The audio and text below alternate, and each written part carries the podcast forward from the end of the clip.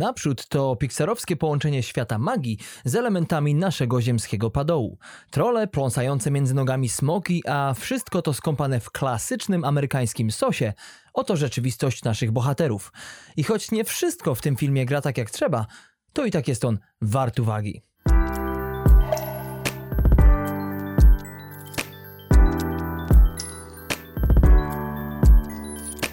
Jest to jeden z dwóch zaplanowanych na ten rok filmów e, słynnej kalifornijskiej wytwórni i gdy w zeszłym roku pojawił się do niego zwiastun, to ja jako wielki fan filmów animowanych niezmiernie ucieszyłem się z tego, iż po raz kolejny zawitamy z jednej strony do świata pobudzającego naszą imaginację, a z drugiej dotkniemy mocno wrażliwego i w porównaniu do ostatnich filmów wytwórni wydaje się iż cięższego tematu, jakim w tym przypadku jest utrata rodzica. Tego typu tematyka zresztą wydaje się idealnie wpisywać w najnowszy trend, jeśli chodzi o animacje, które teraz, poza dostarczaniem rozrywki, starają się także coraz śmielej poruszać motywy, które jeszcze do niedawna wielu uznałoby za zbyt poważne jak dla dzieci. Patrz egzystencjalizm niedawnego Toy Story 4, a teraz to już wydaje się raczej normą. Dzisiejszy film opowiada o dwójce braci, Janie i Barleyu, którzy lata temu utracili swojego tatę. Pewnego dnia okazuje się jednak, iż są w stanie chwilowo przywrócić go do życia, ale z powodu nieudanych czarów odzyskują tylko jego dolną połowę. Tak więc misją braci, jak i motywem przewodnim filmu staje się odtąd odzyskanie górnej części swojego ojca, po to by bracia mogli spędzić z nim czas w sposób bardziej dorosły, a przede wszystkim by mogli go w końcu lepiej poznać. Wielką siłą tego obrazu jest sprawne zbudowanie świata przedstawionego na naszym ludzkim, bo oprócz całej maści niecodziennych stworzeń, wszystko inne w filmie jest niemal identyczne z naszą, czy raczej konkretniej amerykańską rzeczywistością czy zwyczajami. Od kanapek z masłem orzechowym po szkołę średnią, a na przepięknie odtworzonej urbanistyce kończąc. Ważnym elementem jest tutaj także motyw nowoczesności, pędku której zdążył wyprzeć w trakcie kilku wieków tak bardzo powszechną niegdyś magię i z czasem sprowadził świat przedstawiony do poziomu fantastyki li tylko wizualnej. Jeśli chodzi o akcję, to twórcy filmu nie czekają tu praktycznie ani sekundy, tylko od razu z nią ruszają, choć oczywiście trzymając się klasycznej pixarowskiej recepty, otrzymujemy tu początkowo odpowiednią dozę ekspozycji, przede wszystkim na temat relacji obu braci z ich nieżyjącym tatą. I to na początku jest wielką siłą tej produkcji.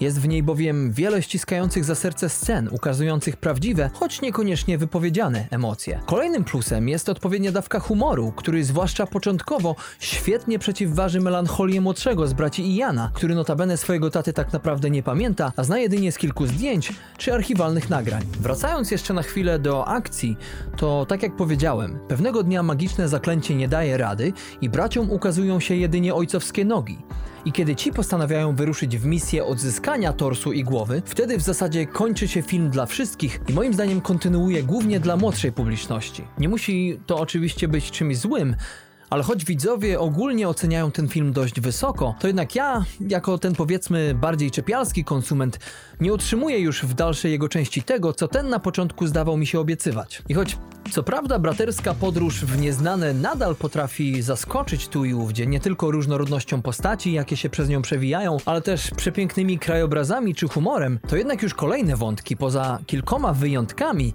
nie zaskakują już moim zdaniem i nie sprawiają, że boję się o losy nastoletniej dwójki. Po prostu przestaje mi na filmie zależeć tak jak w pierwszych 15 minutach. Powodem tego jest wspomniana przeze mnie lekko wyświechtana już formuła Pixaru, która utrzymując film w przyjemnym, familijnym tonie, tym samym obdziera go niestety z zaskoczenia, sprawiając, iż wszystko staje się mocno oczywiste, zbyt wiele rzeczy przychodzi naszej dwójce zbyt łatwo, a jeśli już coś się wydarzy, co może przeszkodzić naszym braciom w ich misji, to widz po prostu wie, iż za chwilę wszystko się rozwiąże, będzie cacy. Naprawdę wielka szkoda, bo sam pomysł względem postaci, jak i realizm magicznego świata czy dubbing sprawiają, iż film ten ma pozornie wszystko to, czego trzeba by stanąć w szranki do przyszłorocznych Oscarów. Jeśli oczywiście oczywiście to się odbędą. Ale oprócz tego całego mojego psioczenia na ten film, muszę stwierdzić, iż naprzód to z pewnością śmieszna i ciepła historia, pełna zwariowanych, przepięknie zrealizowanych motywów. Dodatkowo amerykański dubbing stanął tutaj po raz kolejny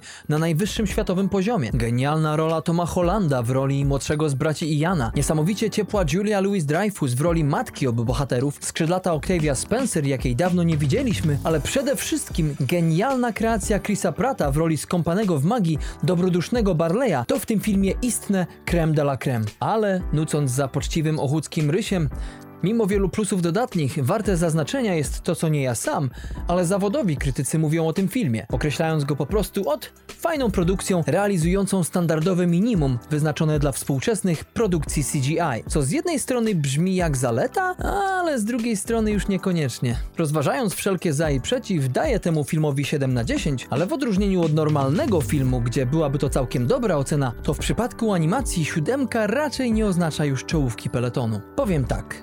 Jest to na pewno idealny film, jeśli to, na co macie ochotę, to niezobowiązujący wieczorny seans w rodzinnym gronie. Ale dla tych, którzy oczekują tu czegoś wielkiego na miarę najlepszych animacji ostatnich lat, naprzód może niestety okazać się sporym rozczarowaniem. Tak czy siak, kochani, obejrzyjcie i dajcie znać jak wrażenia. Film dostępny jest na platformie Disney+.